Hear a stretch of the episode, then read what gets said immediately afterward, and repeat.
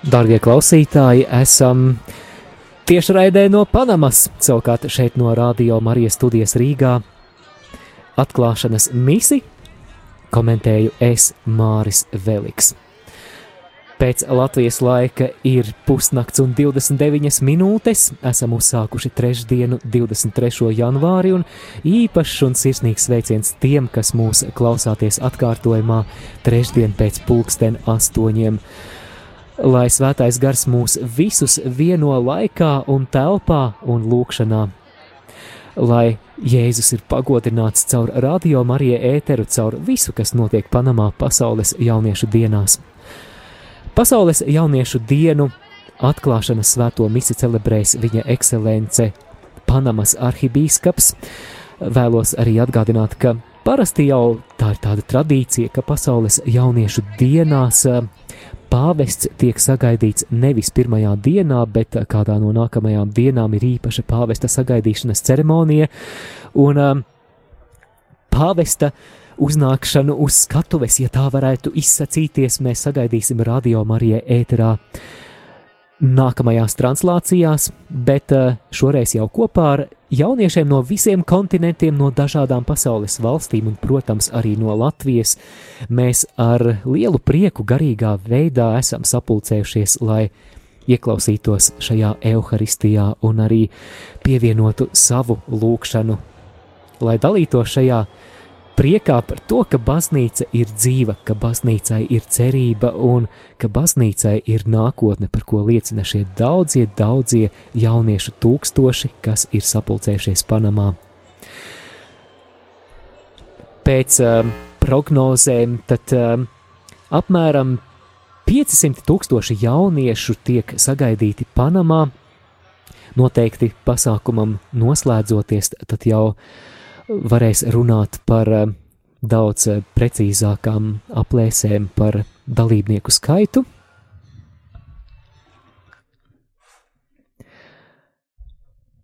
Pasaules jauniešu dienas, kas notiek no 22. līdz 27. janvārim, arī plaši tiks atspoguļotas Radio Marija Latvija ēterā, gan tiešraidēs, kas lielākoties ir nakts stundās, bet atkārtojumus piedāvājam visiem vairāk vai mazāk pieņemamā laikā, pulksten astoņos. Paldies, ka šajā brīdī esi kopā ar mums. Pasaules jauniešu dienas notiek apmēram reizi trijos gados, un tas ir viens no būtiskākajiem mirkļiem, viens no tādiem kulminācijas momentiem, uh, kas eh, pulcē tik daudz svēceļnieku, kā reti kurš pasākums, re, reti kurš cits pasākums baznīcā. Un, eh, manuprāt, to mūsu prieku un pateicību Dieva priekšā arī vairo tas, ka šie ir jauni cilvēki.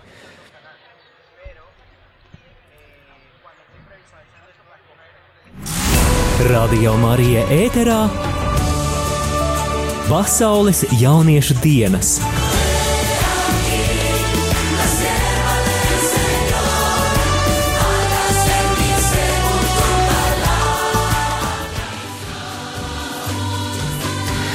Procesijas veidā tagad uh, garīdznieki dodas uh, uz altāri, kurš ir izveidots uh,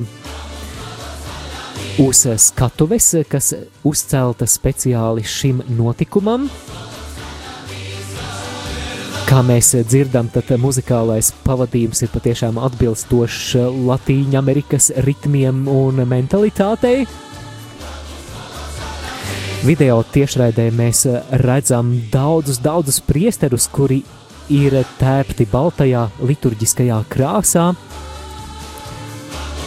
Redzam arī pasaules jauniešu dienu karogus un, protams, arī dažādu tautu, dažādu valstu karogus. Protams, arī Vatikāna karogu, kurš eh, plīvo Panamas vējos.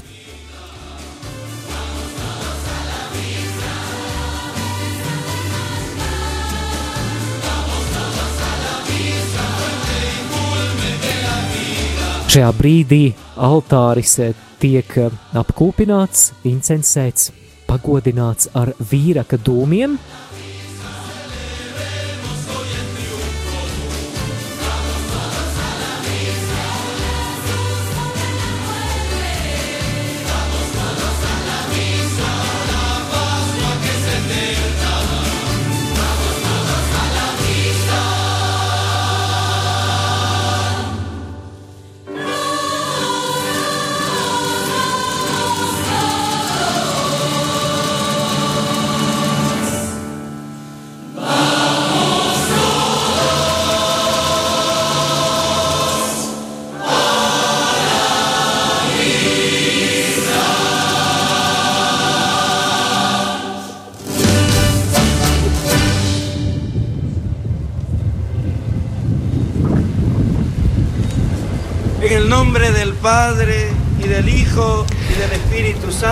Dieva tēva un dēla un svētā gara vārdā.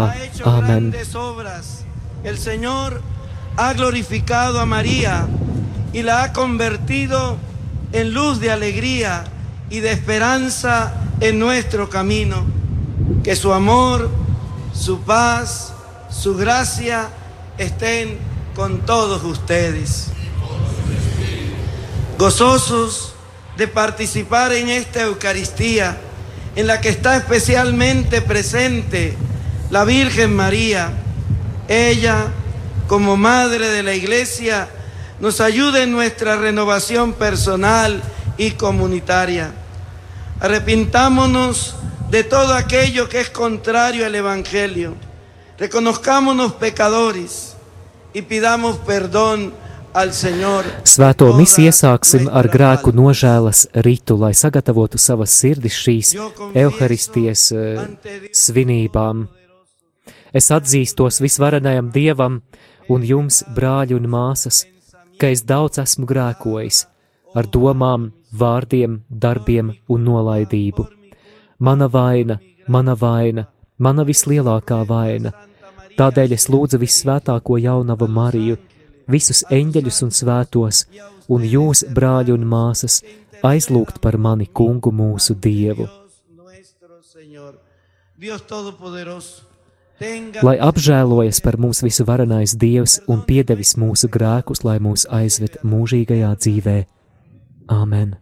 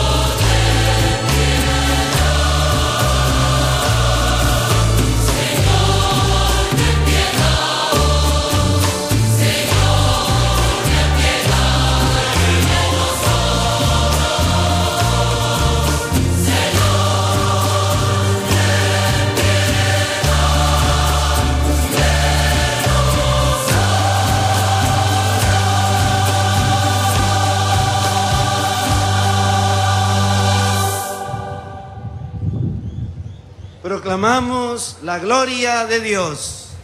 Pasludināsim Dieva godu.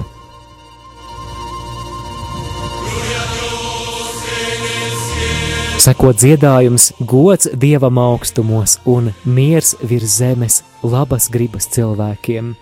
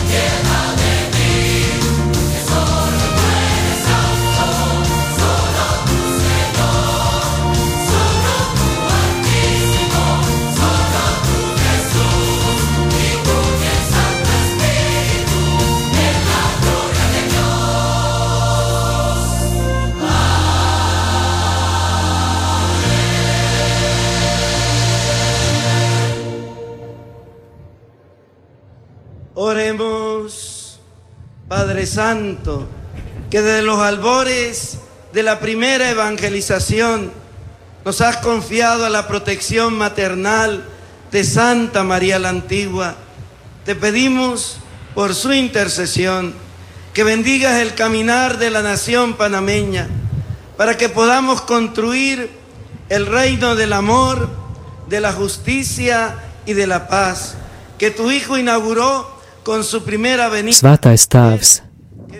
Kurš mūsu aicinājumu pasludināt evaņģēliju, esi uzticējis mātišķajai Svētās Marijas no Antiguas aizbildniecībai. Mēs lūdzam, lai caur viņas aizbildniecību, lai caur viņas aizbildniecību tiktu nodibināta miera un mīlestības un taisnības valstība. Lasījums no radīšanas grāmatas.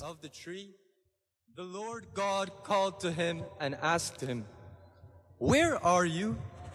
He answered, I heard you in the garden, but I was afraid. Un kungs Dievs sauca cilvēkam un teica viņam, kur tu esi? Un tas teica, es dzirdēju dārzā tavu balsi un nobijos, jo esmu kails un es paslēpos.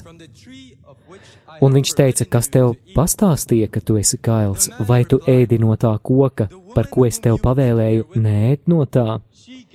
Un cilvēks teica, tā sieva, ko tu man devi, viņa man deva no tā koka, un es ēdu. Un kungs Dievs teica sievai, ko tu esi izdarījusi? Un sieva teica, čūska mani pievīla un es ēdu. Un kungs Dievs teica čūskai, tāpēc, ka tu to darīji, tu esi nolādēta starp visiem lopiem un starp visiem lauka zvēriem. Uz vēdera tu līdīsi un rīsi pīšļus visas dienas, kamēr dzīvosi.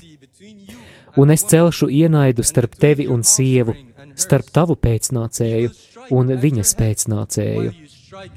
Viņš tev sadragās galvu, bet tu viņam sadzelsi papēdi.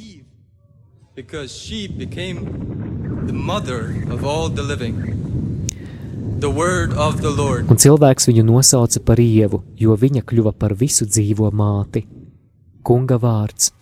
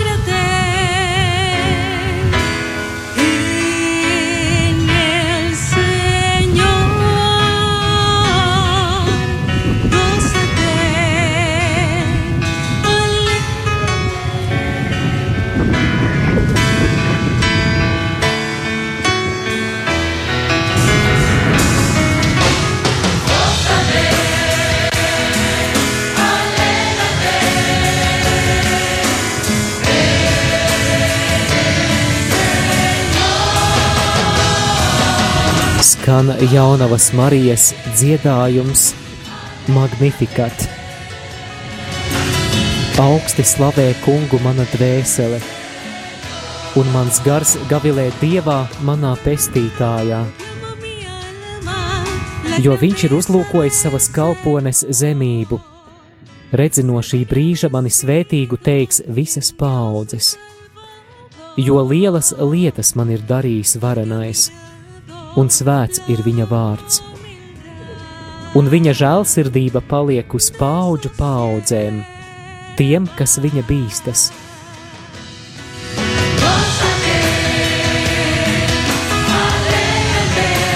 Augsti slavē kungu mana dvēsele, un mans gars gavilē dievā manā pestītājā.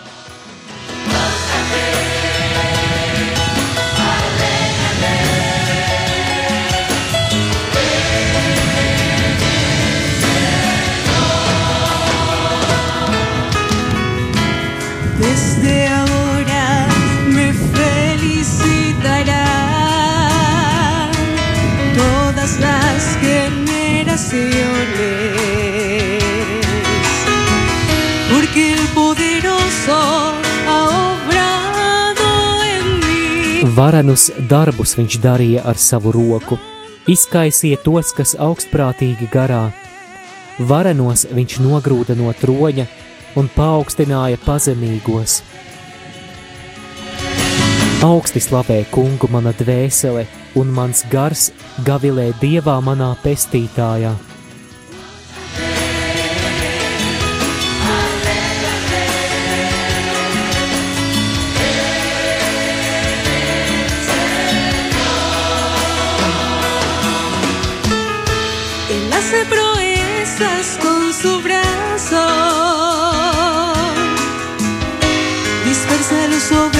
Soberbios de corazón. Derriba del trono a los poderosos.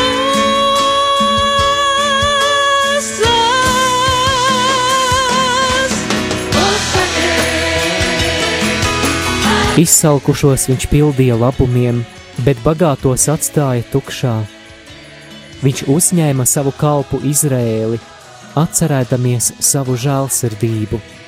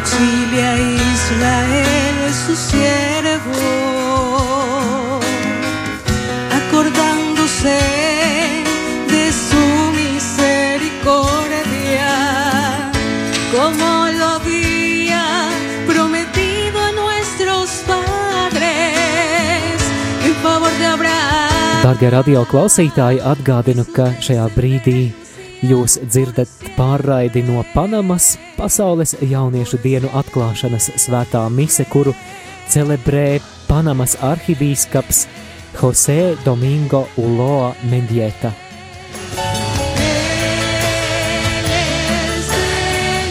Dieva vārda liturģijā mēs dzirdējām lasījumu no radīšanas grāmatas trešās nodaļas. Šajā brīdī izskan Marijas dziedājums Magnificat no Lūkas evaņģēlija, savukārt kā otrais lasījums skanēs fragments no apustuļa Pāvila vēstules galatiešiem 4. nodaļas no 4. līdz 7. pantam. Dalla lettera di San Paolo Apostolo ai Galati. No apustuļa Pāvila vēstules galatiešiem. Bet, kad pienāca laiku beigas, Dievs sūtīja savu dēlu, kas piedzima no sievietes, piedzima pakļauts bauslībai, lai izpirktu tos, kas pakļauti bauslībai, un lai mēs tiktu pieņemti par Dieva dēliem. Tā kā jūs esat dēli, Dievs sava dēla garu ir sūtījis jūsu sirdīs, kas sauc Aba Tēvs. Tātad tu vairs neesi vergs, bet gan dēls. Un ja dēls, tad caur Dievu arī mantinieks. Kunga vārds - pateicība Dievam.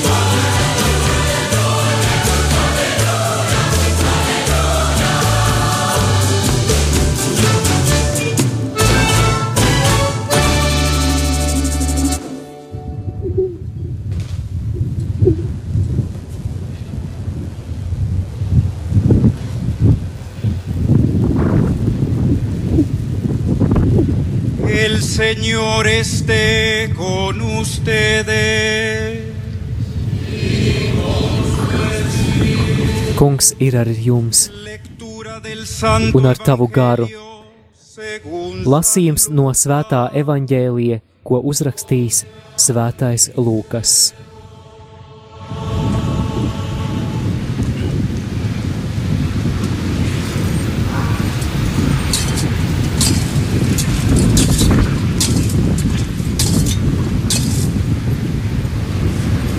Evanģēlija grāmata šajā brīdī tiek pagodināta ar vīraka dūmiem.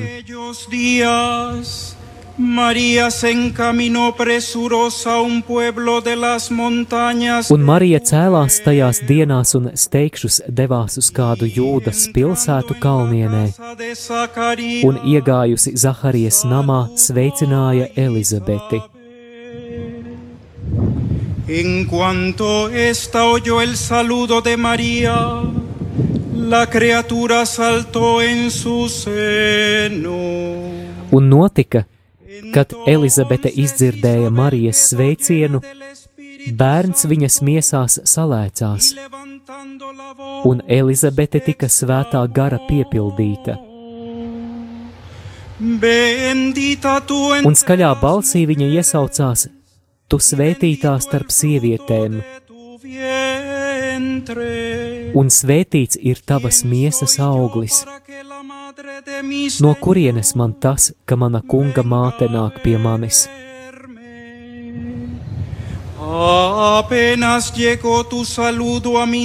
Redzi, tiklīdz manās ausīs atskanēja tavs sveiciens, bērns manās miesās līksmībā salēcās. Laimīga ir tā, kas ticējusi, ka piepildīsies tas, ko kungs viņai ir teicis. entonces dijo María, mi alma glorifica al Señor. Un Marija sacīja: Augsti slavē kungu mana dvēsele, Salvador. un mans gars gavilē dievā manā pestītājā, puso sus ojos en la humildad de su esclavo. jo viņš ir uzlūkojis savas kalpones zemību. Redzi, no šī brīža mani svētīgu teiks visas paudzes, jo lielas lietas man ir darījis varenais, un svēts ir viņa vārds, Santo es su nombre un viņa žēlsirdība paliek uz paudžu paudzēm, tiem, kas viņa bīstas.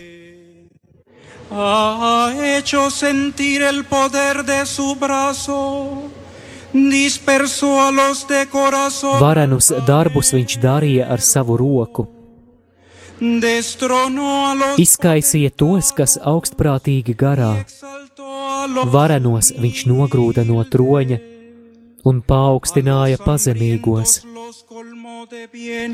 Izsalkušos viņš pildīja labumiem, bet bagātos atstāja tukšā. Viņš uzņēma savu kalpu Izrēli, atcerēdamies savu žēlsirdību, kā viņš bija solījis mūsu tēviem, Abrahamam Abraham un viņa dzimumam mūžīgi.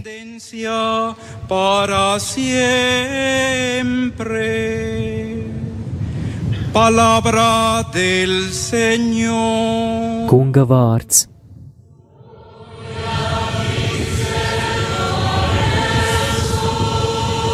Slava Kristum!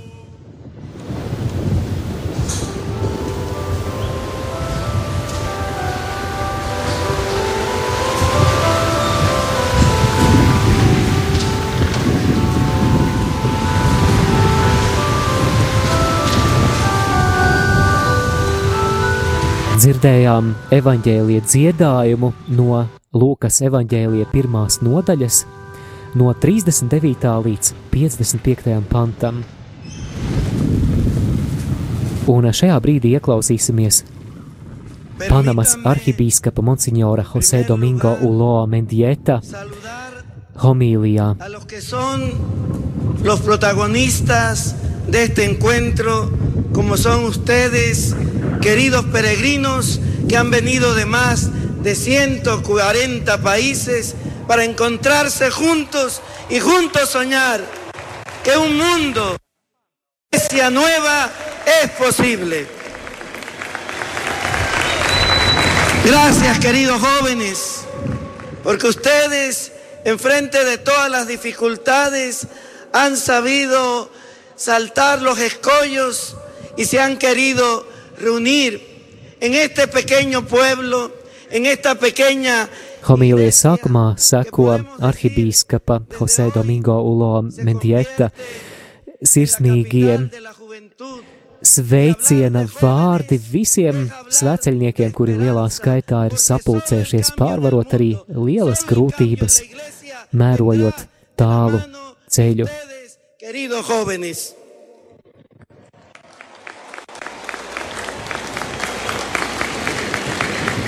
queridos jóvenes, nuestro gozo Dargie jaunieši, ante la presencia mūsu prieks ir neizmērojams jūsu klātbūtnē.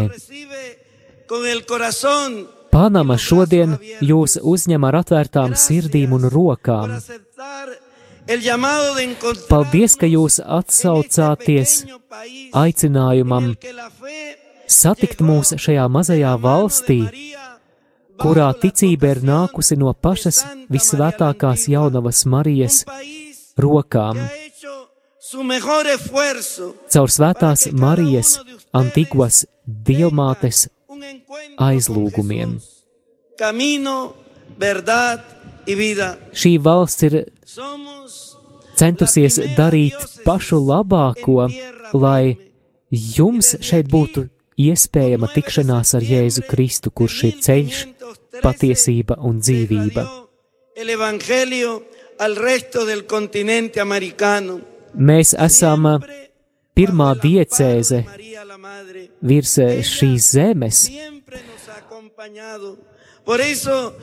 kurā evaņģēlijs tika pasludināts pārējām, visam pārējām Amerikas kontinentam, un vienmēr tas ir noticis jaunavas Marijas, mūsu mātes gādīgajā aizsardzībā un patvērumā. Viņa vienmēr mūs ir pavadījusi, tā ka con más de 60 tas nav nekāds pārsteigums, ka šajā tikšanās reizē ar Jēzu Kristu šajās pasaules jauniešu dienās Marija, kura ir mūs uzmundrinājusi un turpinās mūs iedrošināt svinēt šo vēsturisko notikumu, ka mēs visi vienojamies kopā, pasaules jaunieši.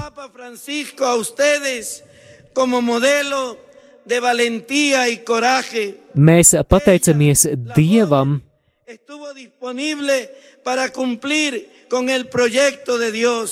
par šo pasaules jauniešu dienu iespēju, atceroties, ka Marija evanģelizācijas zvaigzne aquí ir tev dāvāta kā drosmes paraugs, tādas drosmes, kas ir spējīga piepildīt Dieva plānu. Gracias, Papa Francisco. Jo tas, kurš viņu ir izvēlējies, un una kuras atbildi mēs arī dzirdam pasaules jauniešu dienu moto Lūk, es esmu kunga kalpone, lai man notiek pēc tava vārda.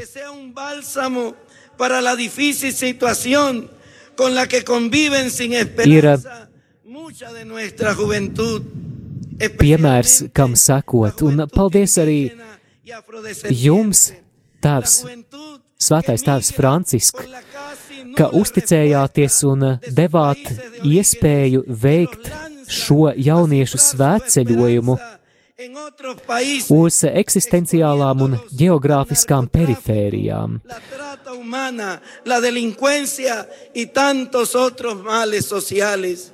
Un eh, mēs ceram, ka tas eh, tam būs dziedinošs efekts tajās sarežģītajās situācijās, kurās eh, daudzi dzīvo bez cerības. It sevišķi tas attiecas uz viezemiešiem un arī tiem, kam ir afro, Āfrikas izcelsme. Jaunieši no šīm aprindām, kuri ir spiesti migrēt un izceļot mínimas necesarias para que vivan su peregrinación en este pequeño istmo. Ustedes, queridos Daudzi no viņiem ir pakļauti narkotiku tirdzniecības briesmām, cilvēku tirdzniecībai, noziegumiem un uh, daudziem citiem sociāliem ļaunumiem.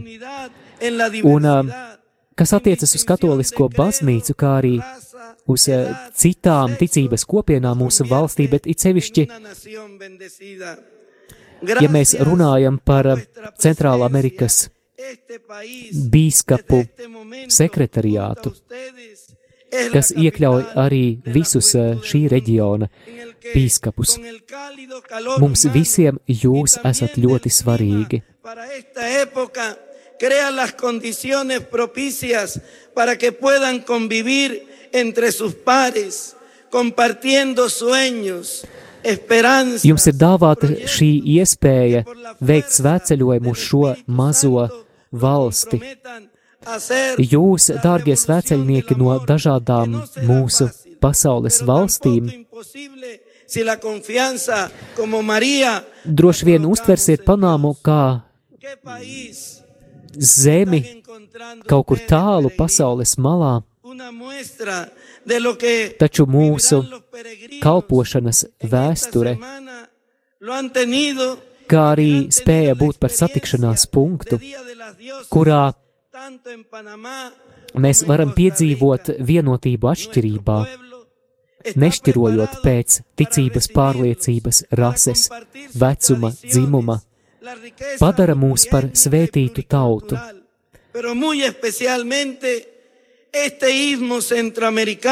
Un pateicoties tam, šī valsts tagad ir kļuvusi par visas pasaules jauniešu galvaspilsētu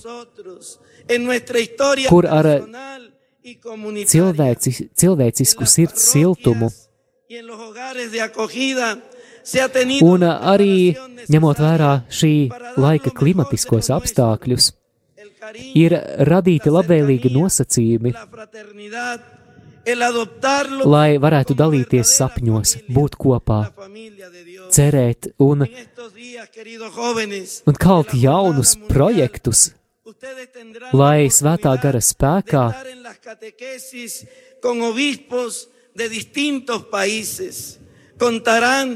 mēs spētu īstenot mīlestības revolūciju, kas nebūs viegli, bet tas nebūs arī neiespējami. Tad, ja mēs uzticēsimies Dievam, un kādu tad šo zemi svēceļnieki atradīs? Piemērs tam, ko svēceļnieki piedzīvo šajā valstī,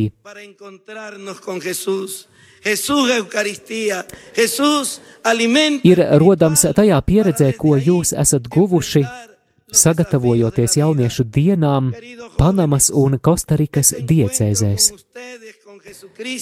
Mūsu tautas ir sagatavojušās uzņemt jūs, dalīties savās tradīcijās, multietniskajā un daudzkulturālajā bagātībā, bet sevišķi dalīties priekā par ticību Dievam, kurš darbojas mūsu vidū, mūsu personiskajā un kopīgajā vēsturē.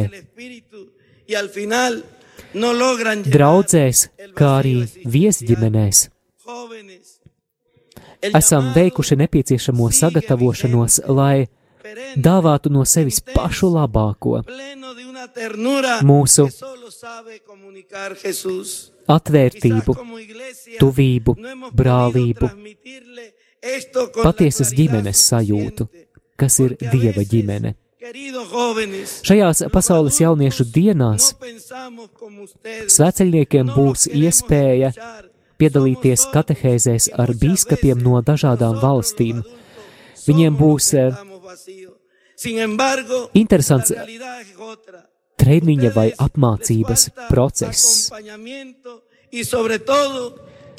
Piedošanas parkā būs eh, arī pieejamas grēksūdzes vietas, iespēja izlīgt ar Dievu. Jauniešu festivālā dažādi talanti no dažādām valstīm dāvās iespēju pabarot jūsu garu. Un īpašā tikšanās ar Jēzu Euharistijā, protams, kas ir garīgais ēdiens, kas ir tik nepieciešams saskaroties ar šīs dzīves izaicinājumiem. Dargie jaunieši, šī jūsu tikšanās ar Jēzu Kristu, lai palīdz jums konfrontēties pašiem ar sevi un ar to indoktrināciju, kad antivērtības kas valda viltus laimes meklējumos, kas ir kaut kas tik gaistošs, un kas liek piedzīvot, ka šīs daudzās lietas izposta prātu un garu, un galu galā tas nesniedz piepildījumu eksistenciālajā tukšumā. Dargie jaunieši, šis aicinājums joprojām ir spēkā esošs, intensīvs, pilns ar maigumu, ko tikai Kristus zina, kā nodot tālāk, un varbūt kā baznīca mēs nesam bijuši spējīgi to nodot tālāk pietiekami skaidri, jo dažreiz mēs, pieaugušie, domājam, ka jūs, jaunieši, negribēsiet klausīties, ka jūs eh, esat eh, nocietināti šai vēstī vai tukši. Un tomēr realitāte ir pilnīgi citādāka. Jauniešiem ir nepieciešama vadība, klātbūtne un pāri visam spēja ieklausīties. Mēs zinām, ka jūs nav viegli pārsteigt. Pabeigtas frāzes, teatrālas runas vai saukļi, kas eh, ir domāti, lai skartu jūsu emocijas, nestrādās. Mēs zinām, ka gluži kā Jēzus laikā, jaunieši meklē lieciniekus, tos, kuri ir pieredzējuši, kuri ir veikuši ceļojumu kājām, nogājuši jūdzes, bet nevis iemācītu un intelektuālu izpratni par Dievu los talentos y liderazgo juveniles que han sostenido la organización. Jūs meklējat tos, kuri parāda jums dzīvi Dievā, bet nevis tos, kuri runā par viņu.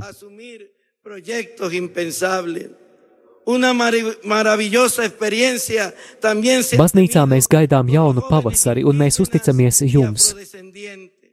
Mēs sagaidām ļoti daudz no jums, tāpēc, ka mēs esam pilnībā pārliecināti, ka šo pārmaiņu un transformācijas izraisītāji un, un šī, šīs pārmaiņas un transformācija cilvēcei un baznīcai ir tik nepieciešama.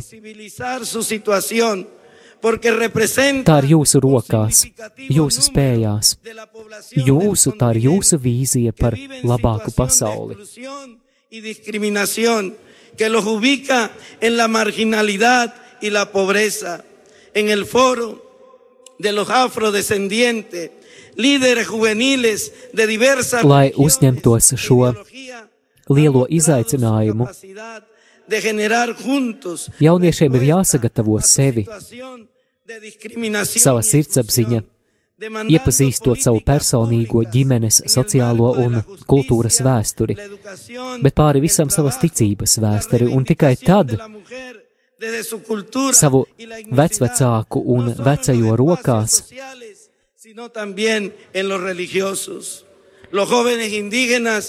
Viņi ar evaņģēlija prieku var pārveidot netaisnības un nevienlīdzības situācijas, kuras ievaino sabiedrību. Visvētākā jaunava Marija, jauna meitene no Nāceretes, ir uzticams paraugs, kuram sekot viņas spējas dēļ būt pieejamai ha sido muy alentador el mensaje del kalpošanā. Dieva plānam. Una herramienta que queremos ofrecerles, queridos Tā ir jóvenes. šī jaunā sieviete, kura uzdrošinājās sniegt savu jā Dieva projektam. Viņa nebaidījās.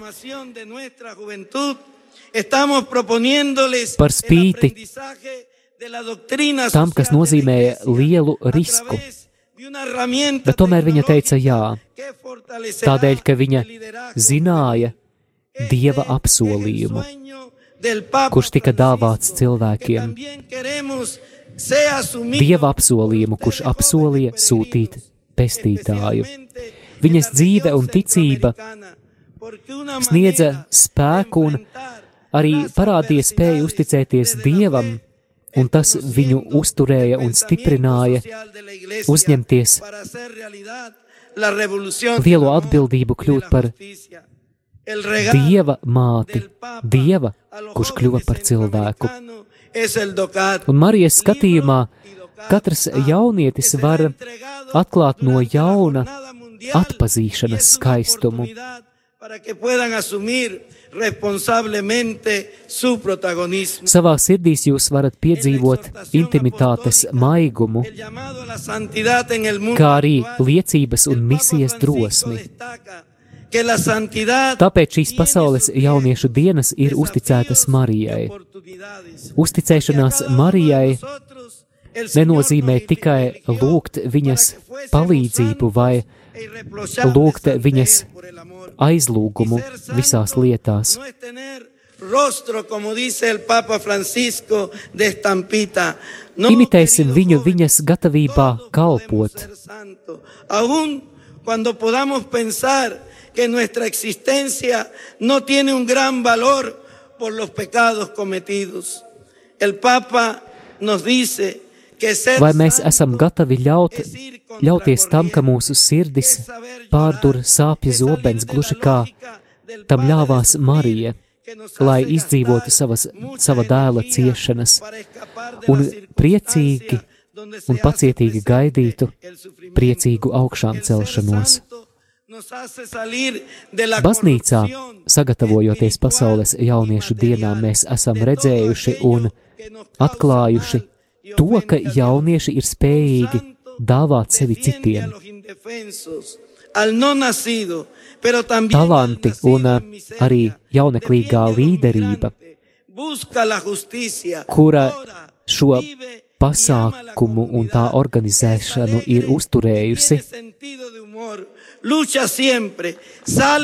ir parādījusies laikā un nelaikā, un tas ir brīnišķīgs un vērtīgs piemērs tam, kā var notikt pilnīgi neiedomājami projekti. para esto hemos peregrinado, para ser santo, para ser testimonio de vida, como lo ha sido Martín de Porre, Rosa de Lima, Juan Diego, el niño José Sánchez del Río, San Juan Bosco, la beata María Romero Meneses, Juan Pablo II y sobre todo Óscar Arnulfo Romero.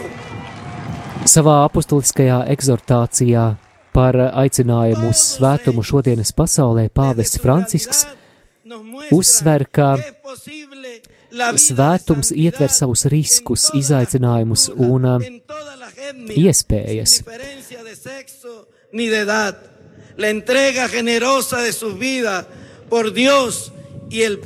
Kungs izvēlējās, lai mēs būtu svēti un nevainojami viņa priekšā mīlestībā.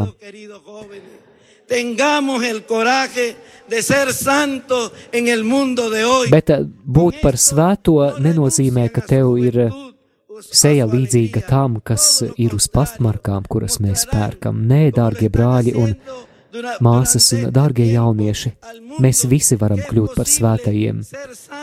Pat tad, ja mēs domājam, ka mūsu eksistencei nav lielas jēgas, to grēku dēļ, kurus mēs esam darījuši, mēs visi varam dzīvot un sasniegt svētumu. Un svētais tēvs aicina mūs, lai mēs kļūtu svēti, mēs esam aicināti iet pret straumi, peldēt pret straumi. Jums ir jāprot saukt. Un arī iziet ārā no izbeidz ciest loģikas, kas liek mums veltīt tik daudz enerģijas, lai izbēgtu no apstākļiem, kur ir klātesošas ciešanas. Būt par svēto liek mums iziet no garīga un materiāla samaitātības stāvokļa un no visa tā, kas rada mūsos ļaunu un apvaino Dievu. Svētais aizstāv tos, kas ir bezpalīdzīgi, nedzimušo, bet arī to, kas ir dzimis izmisumā aizstāvēt migrantus, meklēt taisnību, lūgties, dzīvot un mīlēt sabiedrību. Viņš ir priecīgs un viņam ir humora izjūta.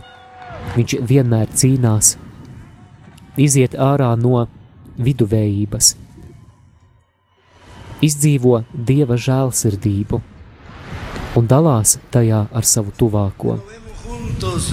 Būt par svēto tas nav mīts, bet tā ir realitāte. Un daudzu svēto un šo pasaules jauniešu dienu svēto liecība ir tam piemērs. Svētais Mārtiņš no Porres, Svētā Roze no Limas, Svētais Juans Diego, San Jose Sančes del Rio, Svētais Jānis Bosko, Beata Sor Marija Romeo, Oskars Romeo, Jānis Pāvils II, Visi viņi parāda mums, ka, ka dzīve svētumā ir iespējama visās kultūrās un etniskajās grupās.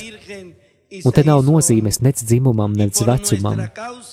Fue crucificado en tiempo de Poncio Pilato, padeció y fue sepultado y resucitó al tercer día según las escrituras y subió al cielo y está sentado a la derecha del Padre.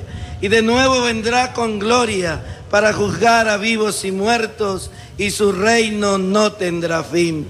Creo en el Espíritu Santo, Señor y dador de vida, que procede del Padre y del Hijo, que con el Padre y el Hijo recibe una misma adoración y gloria y que habló por los Es ticu uz vienu Dievu visvarano tēvu, debesu un zemes, visu redzamo un neredzamo lietu radītāju.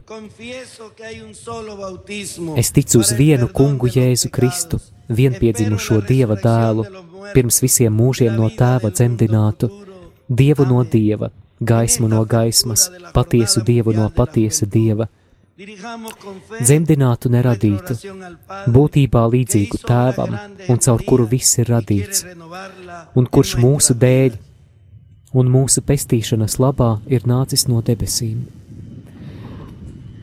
Iemiesojies caur svēto garu no jaunavas Marijas un tapis cilvēks, krustā sists par mums Poncija Pilāta laikā, cietis un apbedīts, trešajā dienā augšām cēlies kā pravietots rakstos, uzkāpis debesīs sēž pie Dieva labās rokas un atkal godība atnāks tiesāt dzīvos un mirušos, un viņa valdīšanai nebūs gala Es ticu uz svēto garu, svēto katolisko baznīcu, svēto sadraudzību, grēku piedošanu, miesas augšām celšanos un dzīvi nākamajā mūžībā. Āmen!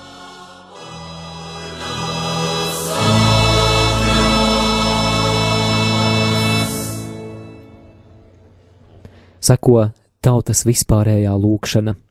Pirmais lūgums skanēja angļu valodā, lai vispārējā baznīca, kas ir dibināta uz Jēzus vārda pamata,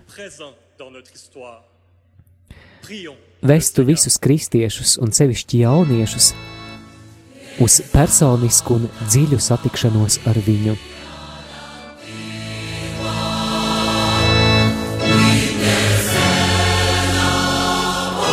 Seko lūkšanas refrēns, kurā tiek piesaukts arī Svētās Marijas Antigos dievmātes aizlūgums.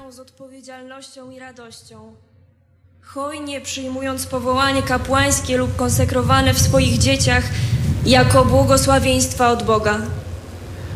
Lai visas kristīgās ģimenes dzīvotu ar ticību un atbildību un prieku, ar lielu prieku pieņemot aicinājumus uz priesterību vai konsekrēto dzīvi starp saviem bērniem kā svētību no Dieva.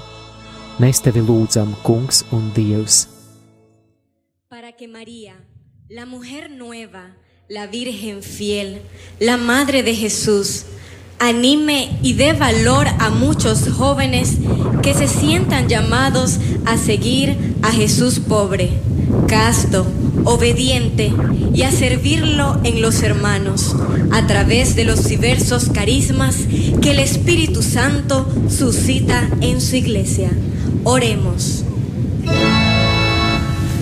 Izskanēja aizlūgums spāņu valodā.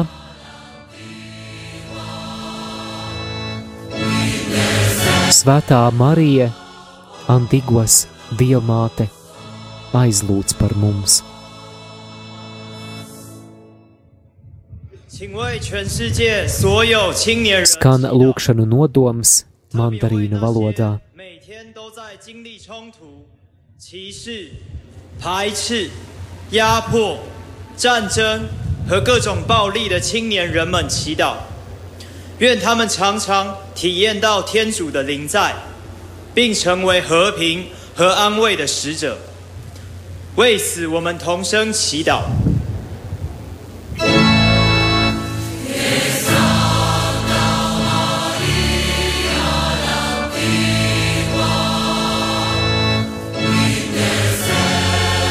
Lai Svētā Marija, Antigos diamāte, aizlūdz par mums.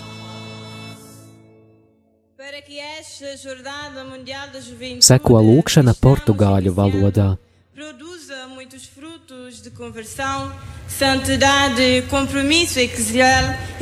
Lai pasaules jauniešu dienas dāvā lielus augļus, gan atgriešanās veidā, svētdarīšanā,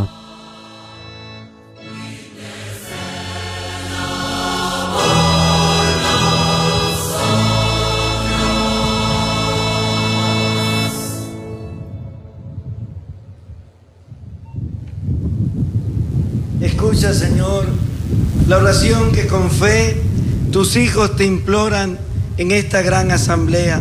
Uzklausi, kungs, šo ticības lūkšanu, kuru mēs veltījam tev šajā lielajā sapulcē, lai caur Marijas eh, Antigvas diamātes aizbildniecību tu dāvā žēlastības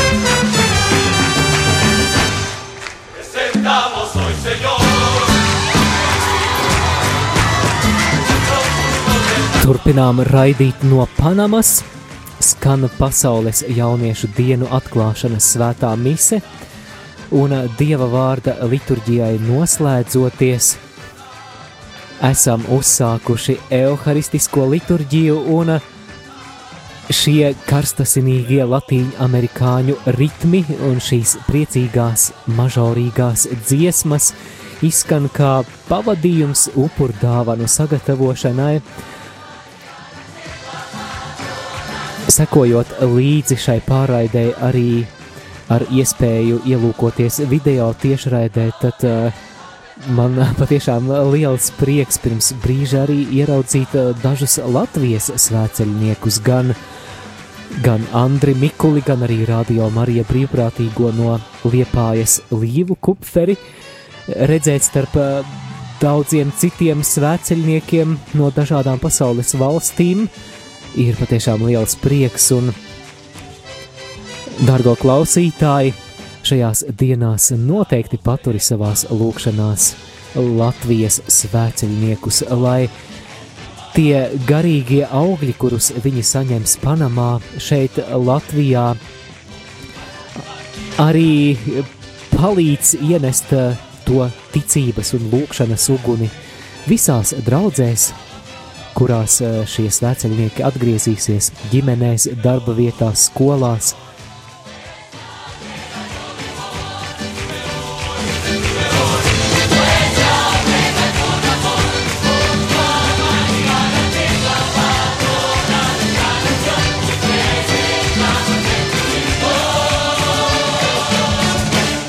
Pasaules jauniešu dienu atklāšanas svēto misi svin Monsignors un Panamas arhibīskaps viņa ekscelence Jose Domingo Uloa Mendieta.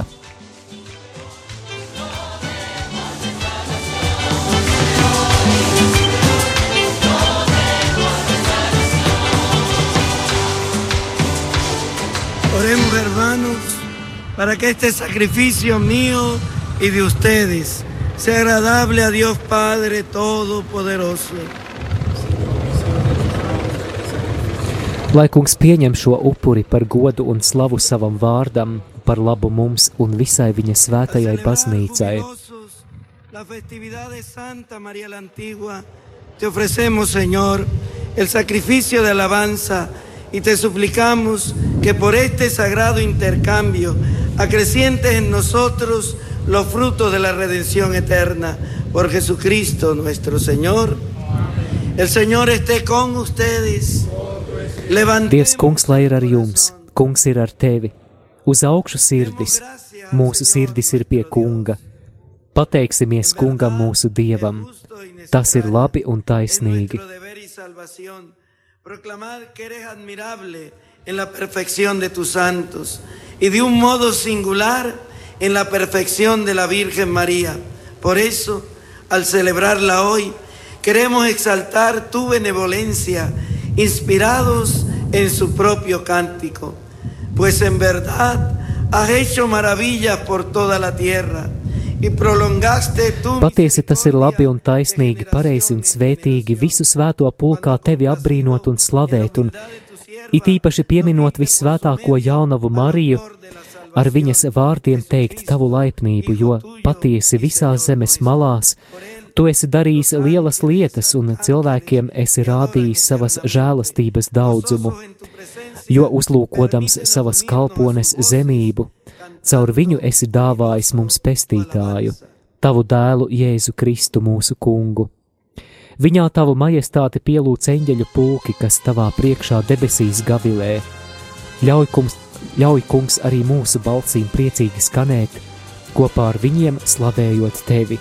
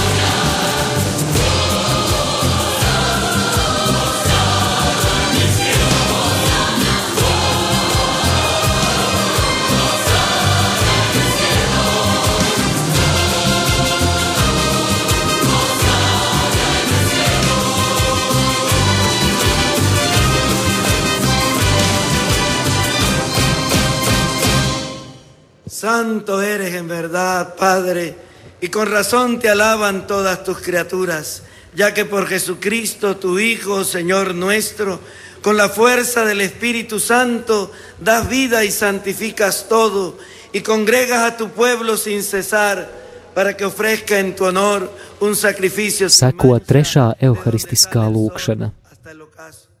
Por eso, Padre, te suplicamos que santifiques por el mismo Espíritu estos dones que hemos separado para ti, de manera que se conviertan en el cuerpo y la sangre de Jesucristo, Hijo tuyo y Señor nuestro, que nos mandó celebrar estos misterios.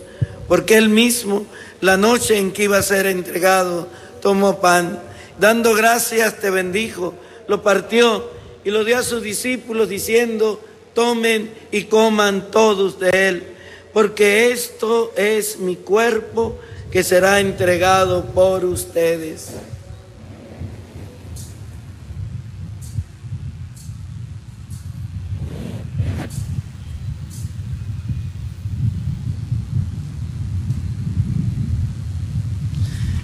Del mismo modo, acabada la cena, tomó el cáliz, dando gracias te bendijo. Y lo pasó a sus discípulos diciendo, tomen y beban todos de él, porque este es el cáliz de mi sangre, sangre de la alianza nueva y eterna, que será derramada por ustedes y por muchos para el perdón de los pecados. Hagan esto en conmemoración mía.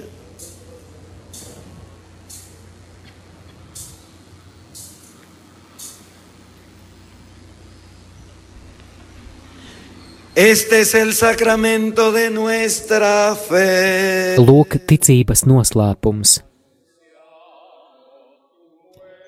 Mēs vēstīsim par tavu nāvi, kungs, un liecināsim par tavu augšām celšanos līdz pat tavai atnākšanai.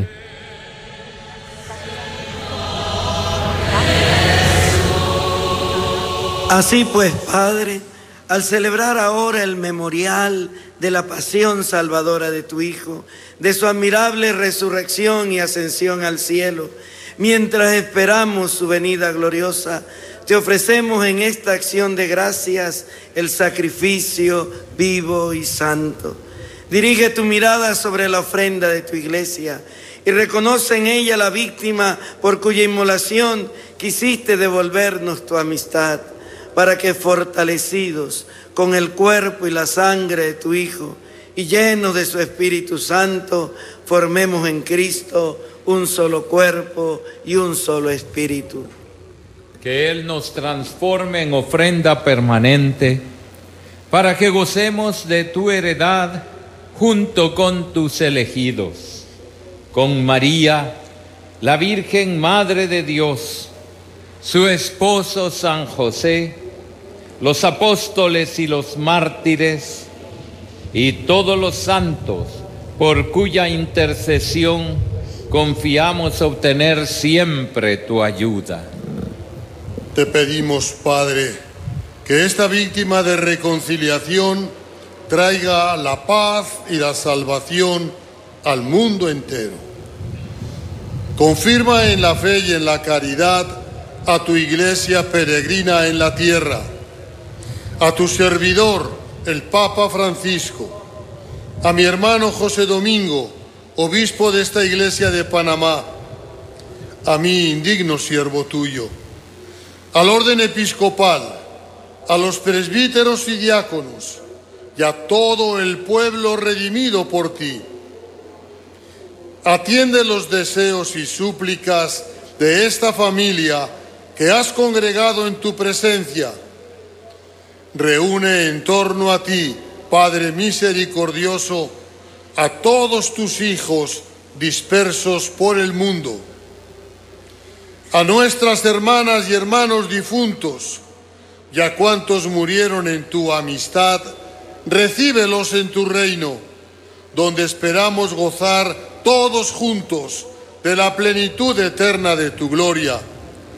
Por Cristo Señor nuestro, por quien concedes al mundo todos los bienes. Por Cristo, con Él y en Él, A ti Dios Padre Omnipotente, en la unidad del Espíritu Santo. Caur Jēzu Kristu, ar viņu un viņā, Tev, Dievam visvarenajam Tēvam, svētā gara vienībā, ir viss gods un slava visos mūžu mūžos. Āmen!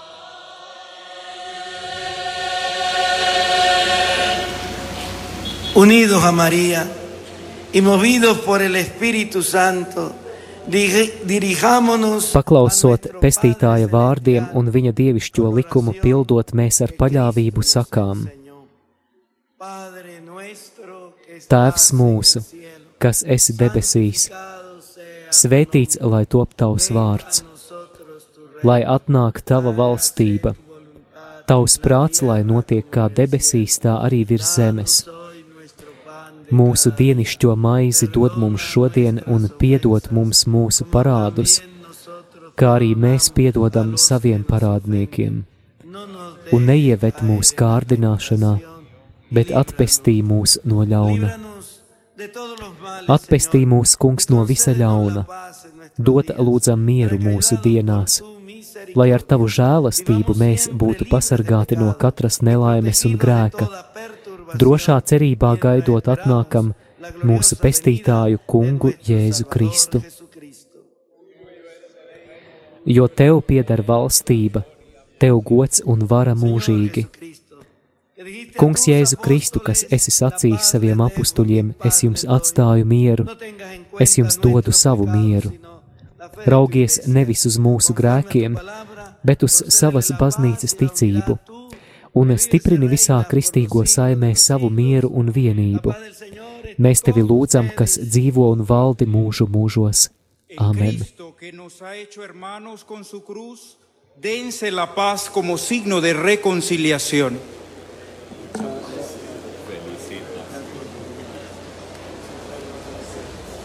Seko uzaicinājums sniegt viens otram miera un izlīguma zīmi. Dieva miers, lai ir ar tevi, klausītāji!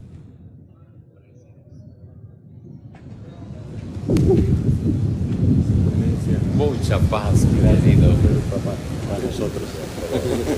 De verdad que sí. Dios lo bendiga. Mucha paz.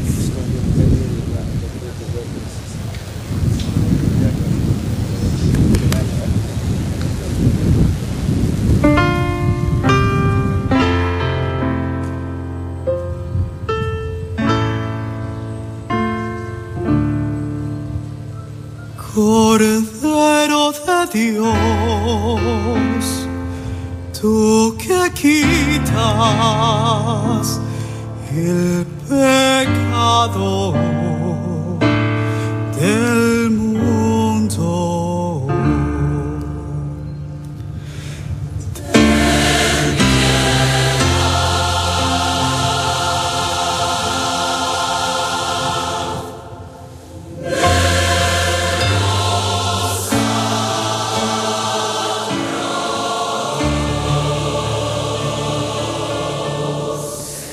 Dieva jērs, kas nes pasaules grēkus,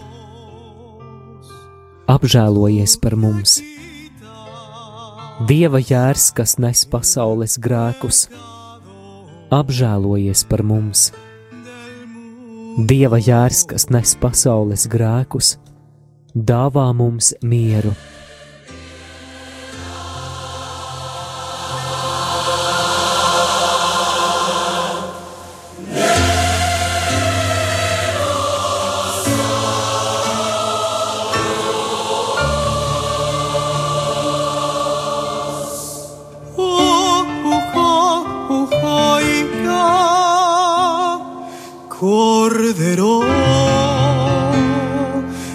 Danos la paz. Amén.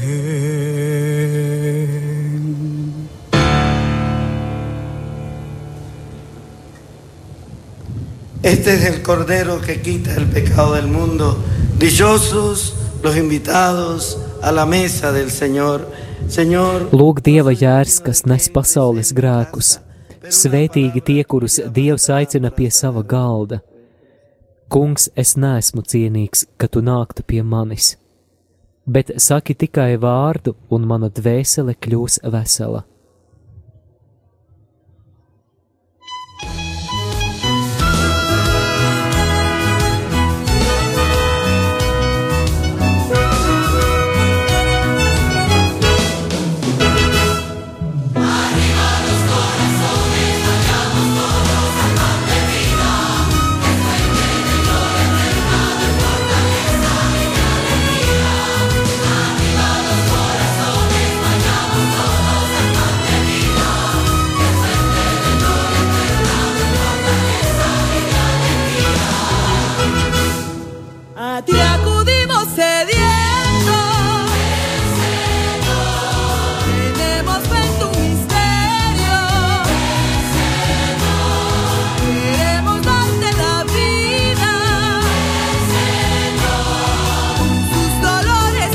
Turpinām raidīt pasaules jauniešu dienu atklāšanas misi no Panamas, un šajā brīdī svētās komunijas laiks. Laukumā esošie priesteri, diakoni šajā brīdī izdala svēto komuniju. Savukārt mēs, kas sekojam līdzi šīs mises translācijai un nevaram būt fiziski klātesoši un arī fiziskā veidā būt līdzdalībnieki šajā evaharistijā, esam aicināti atvērt savas sirdis evaharistiskā Jēzus pieskārienam, lūdzoties garīgās komunijas lūgšanu.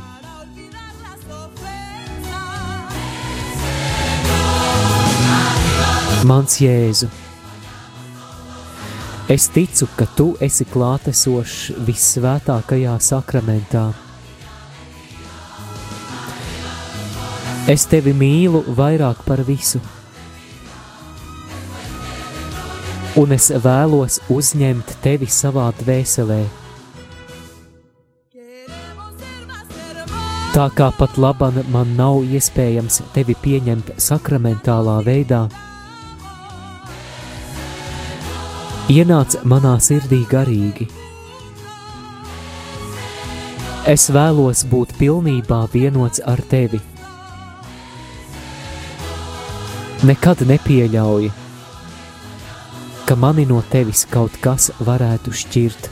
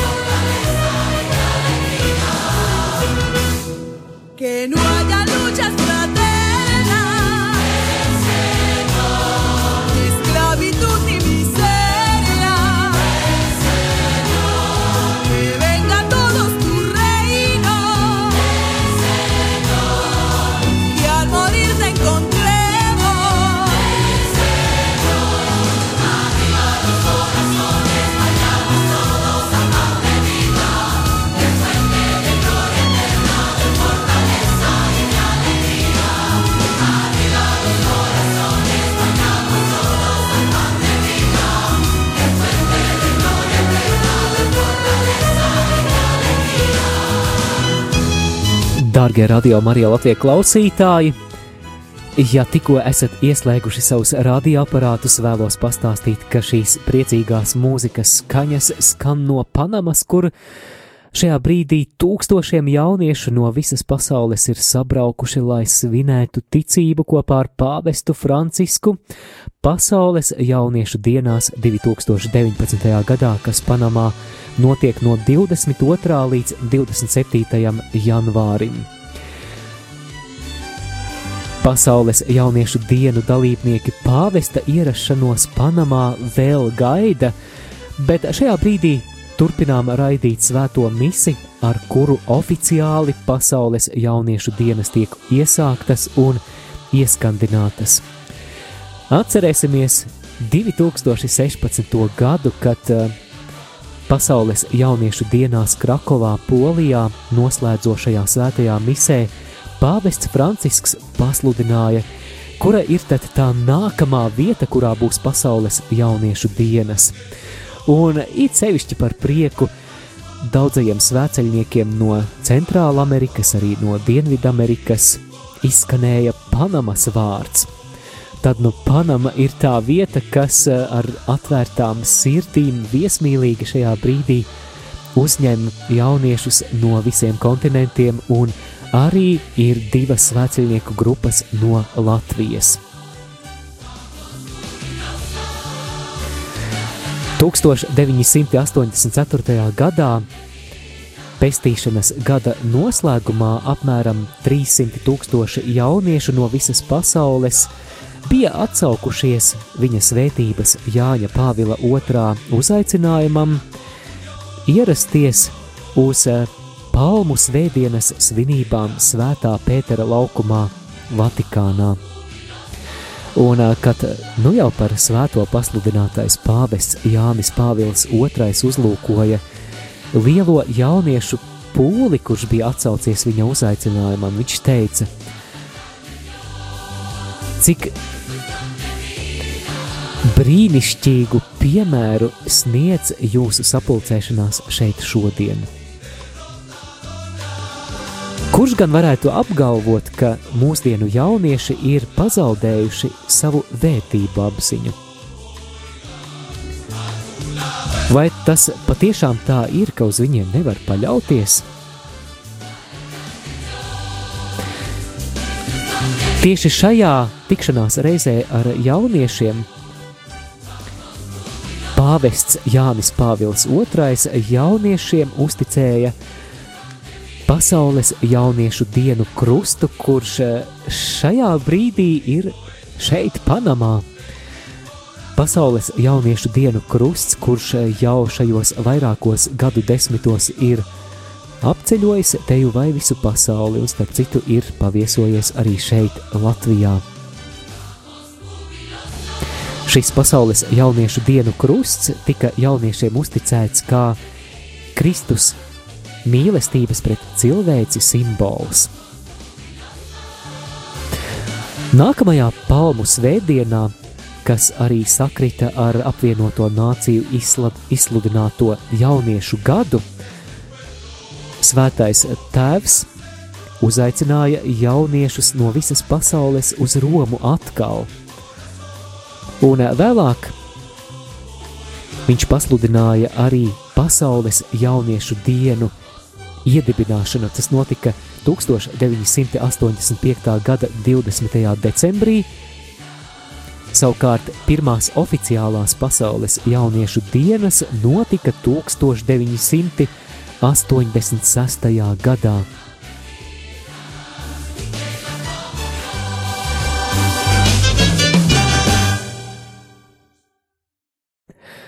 1987. gadā Buenos Airesā notika jau otrās pasaules jauniešu dienas. Pirmās bija Romā, Itālijā 86. gadā. 89. gadā pasaules jauniešu dienas atkal bija Eiropā, Spānijā, Santiago de Compostela. Que cuantos nos gozamos en la festividad de Santa María la Antigua, participemos con ella del banquete de tu reino. Por Jesucristo nuestro Señor.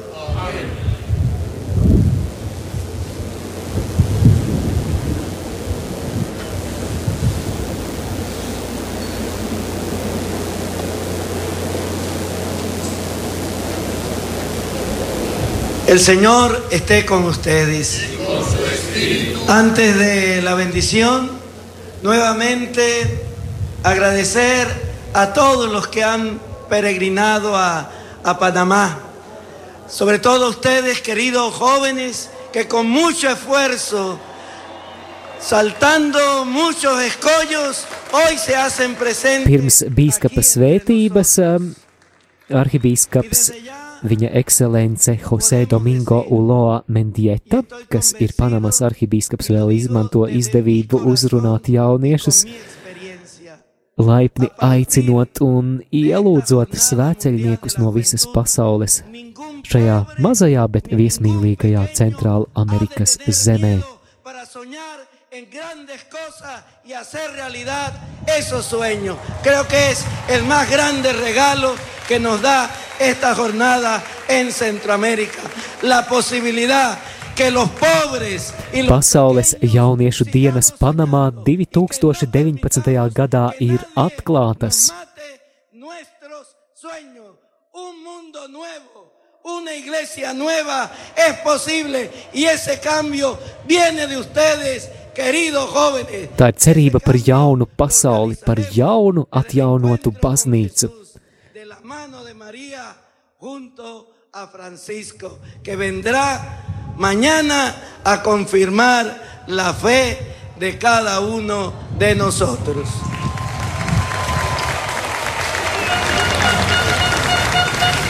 Arhibīskaps arī izsaka cerību par to, ka tas nesīs ticības stiprinājumu mums visiem. benignamente al género humano por medio de su Hijo Santísimo, nacido de María la Virgen, los colme de sus bendiciones. Que experimenten siempre y en todo lugar la protección de la Virgen María. Seko svētības lūkšana. recibir al autor de la vida, que a todos ustedes que se han reunido hoy aquí para celebrar con devoción esta fiesta de Santa María la Antigua, el Señor les conceda los gozos espirituales y los premios del cielo y la bendición de Dios Todopoderoso, Padre, Lai jūs svētī visvarenais Dievs, Tēvs un Dēls un Svētais Gars. Āmen!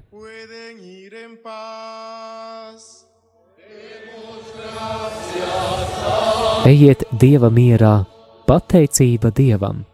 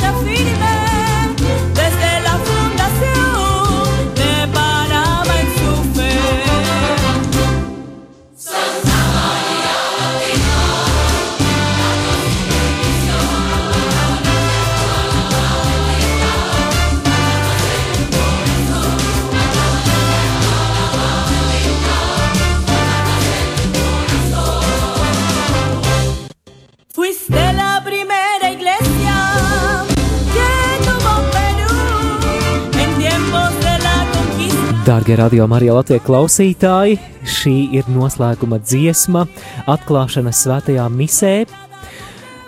Šajā priecīgajā brīdī, kad pasaules jauniešu dienas 2019. gadā ir pasludinātas par atklātām. Raidām no Panamas. Šajā svētajā misē kopā ar jums garīgi vienoti un arī lūkšanā vienoti Šeit pie mikrofona es Māris Veliks, un uh, mēs noteikti arī jūtam līdzi un arī priecājamies par visiem mūsu draugiem, brāļiem, māsām, bērniem, radiniekiem, kuri šajā brīdī ir Panamā. Un ar priesteri Pēteri Skudru, kurš arī koncelebrēja šajā svētajā misē kopā ar daudziem, daudziem priesteriem no visas pasaules. Mēs sazvanīsimies jau pavisam pēc īsa brīža, tāpēc paliec kopā un tad svaigākie iespaidi no pašas Panamas, kā gāja, kādi iespaidi par šo svēto misi, tad uh, dzirdēsim arī no acu liecinieka.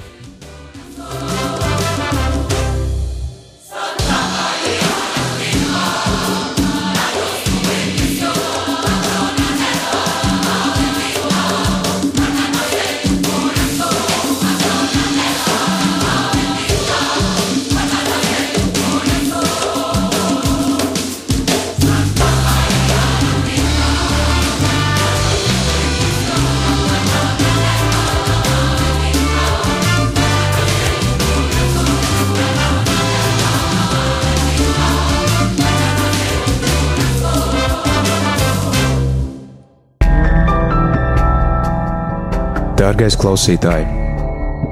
Aicinu tevi atbalstīt Pasaules jauniešu dienu translācijas radio Marija Latvijā ēterā ar savu ziedojumu. Zvani jau tagad uz numuru 900 6769 un ziedo 4,27 eiro, vai arī meklē mājaslapā rml.clv radio Marija Latvija konta numuru un ziedo ar bankas pārskaitījumu.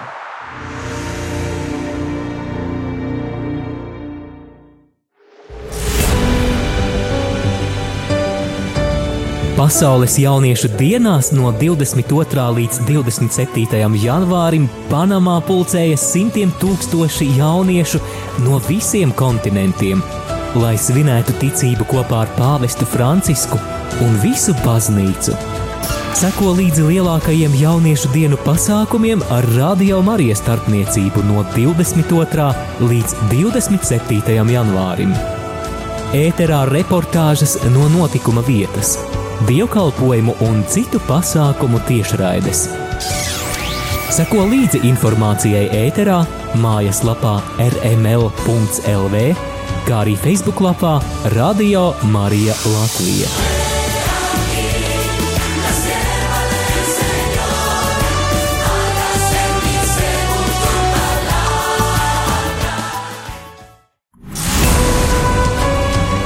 Reportāža no pasaules jauniešu dienām Panamā.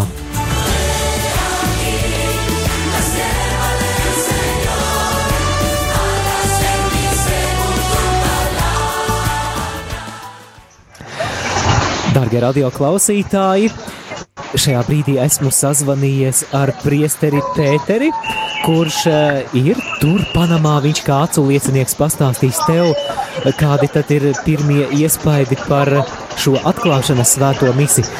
Sveiks, priesteri Pēteri! Sveiks, Māri, un sveiki, klausītāji! Tikko ir noslēgusies atklāšanas svētā mise. Priesteri Pēteri, es domāju, ka radio klausītājiem būtu interesanti dzirdēt, kā tad izskatās un kurā vietā tas notika, jo mēs dzirdējām skaņu, bet tu varētu palīdzēt tagad klausītājiem uzburt to bildi, kāda ir tā vide, kur šī svētā mise notika. ir teiksim, tā, tā pirmā lieta, kas tagad krīt acīs, noteikti tas, ka svētā mise sākās ar uh, sauli un beidzās ar pilnīgu nakti. Nevis tāpēc, ka Mīs tāds fenomens, ko mēs Latvijā nevaram novērot, ka tikko kā noriet saule, tā uzreiz paliek tumšs. Nu, šeit, šeit Panam ir daudz tuvāk ekvatoram, kas nozīmē, ka saulei aizejot jau otrā pusē planētai, nu, pareizāk sakot, otrādāk, viss process notiek, jūs man sapratāt, tad šeit uzreiz paliek tumšs. Mums Latvijā, teiksim, vēl pēc saulrieta ir redzama gaisma, jo Mēs esam atkal vienā pusē šim ziemeļpolam, kas ir pavērsts uz saules pusi. Tas varbūt tāda pirmā lieta. Tagad mēs esam Uh, tumšās ielās zvaigznes neredz, jo ir apmācies. Mīsas laikā sāk arī pamatīgi uh, pūst vējš un uh, ir daudz, daudz patīkamāks laiks palicis, vairs nav tik liels karstums. Un uh, mums tad arī, uh, jā, uh, šeit ir viss izgaismots ielas ar gaismām. Un uh, tā noskaņa, noskaņa ir, kā jau jauniešu dienās, ir lieli pūļi. Visi, kas bija sapulcējušies uz jauniešu dienu, mīsas atklāšanu, tagad meklē izējas no saviem sektoriem, sadavušies rokās, garas grupas dodās, uh, meklē ceļus, citi stāv šeit uz ielas un vienkārši dejo, citi sadziedās, citi bildējās, te jūs varat noteikti fonā tagad dzirdat, ir liela grupa no Kolumbijas un Argentīnas, kas vienkārši dzied uz ielas. Un, jā, tāda apmēram šobrīd ir tā noskaņa. Priestri Pēteri, ja mēs salīdzinām skaitļus, tad iepriekšējās pasaules jauniešu dienās piedalījās vairāk nekā 2 miljoni jauniešu.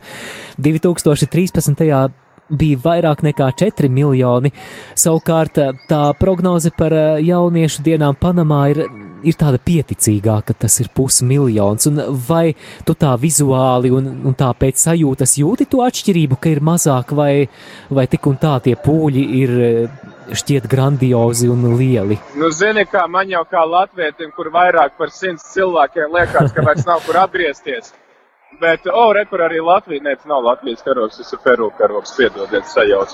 Uh, bet, nu, šeit man ir grūti pateikt par tiem skaitļiem, jo es vēl meklēju arī oficiālo informāciju, mēdīju centrās vēl neesmu saņēmis uh, oficiālos datus, bet, uh, nu, tā viņi bija rēķinājuši uz, uh, gan es kādā mājaslapā izlasīju, ka uz misi ir uh, pulcējušies lēsie, ka kā 30 tūkstoši, bet es domāju, ka tie ir noteikti stipri vairāk cilvēku. Katrā ziņā, nu, tagad, lai kaut kur aizietu, ir ļoti, ļoti daudz jāspiežās, ļoti daudz cilvēku. Un, ja kāds apmēram iedomājās, kāda ir aglona krusta ceļa laikā, nu, tad varētu pareizināt ar nu, desmit, varbūt tad, tad sajust vismaz ap, aptuveni to noskaņu, kāda šobrīd tagad ir. Sinta Kostera, tajā pludmalē, nu ne gluži pludmalē, bet te ir tāds gar, gar jūras krastu tāda iela, līdzīgi kā mums brīvības iela, kura tad arī visi ir pilna ar, ar jauniešiem, kas tikko piedalījās svētajā misē. Priestri Pēteri, es radio klausītājiem ar tādu patiesu lepnumu teicu, ka mūsu priesteris Halo. Pēteris, halo, vai tu mani dzirdi? Halo? Jā, priesteri Pēteri, vai tu mani tagad dzirdi? Jā, es tagad dzirdu, ļoti labi tevi dzirdu, jā. Jā, ik pa brīdim ir kādi traucējumi, bet cerams, ka tas netraucēs mūsu komunikācijai. Radio klausītājiem es ar patiesu lepnumu teicu, ka mūsu priesteris Pēteris koncelebrē šajā svētajā misē, vai es nebūšu viņiem samelojis. Nē, nebūs samelojis. Uh, Mēs šeit esam trīs garīdznieki no Latvijas - bīskaps Viktors Stulpins, priestars Rihards Rastāts un es. Un mēs visi trīs bijām netālu, salīdzinoši netālu viens no otru un piedalījāmies šajā svētajā misē, kuru svinēja Panemas arhibīskaps Jose Domingo. Un, jā, mums apkārt bija arī daudz citi, es teiktu, simtiem bīskapu un priesteru. Kas arī bija interesanti, ka šeit bīskapi nebija īpaši nošķirti no priesteriem, tad mēs bijām tādā ļoti miksētā kompānijā. Vienā pusē tev sēž kāds bīskaps, otrā pusē kāds priesteris no kādas citas valsts, un uh, tad varēja arī iepazīties ar dažādiem garīdzniekiem no dažādām valstīm.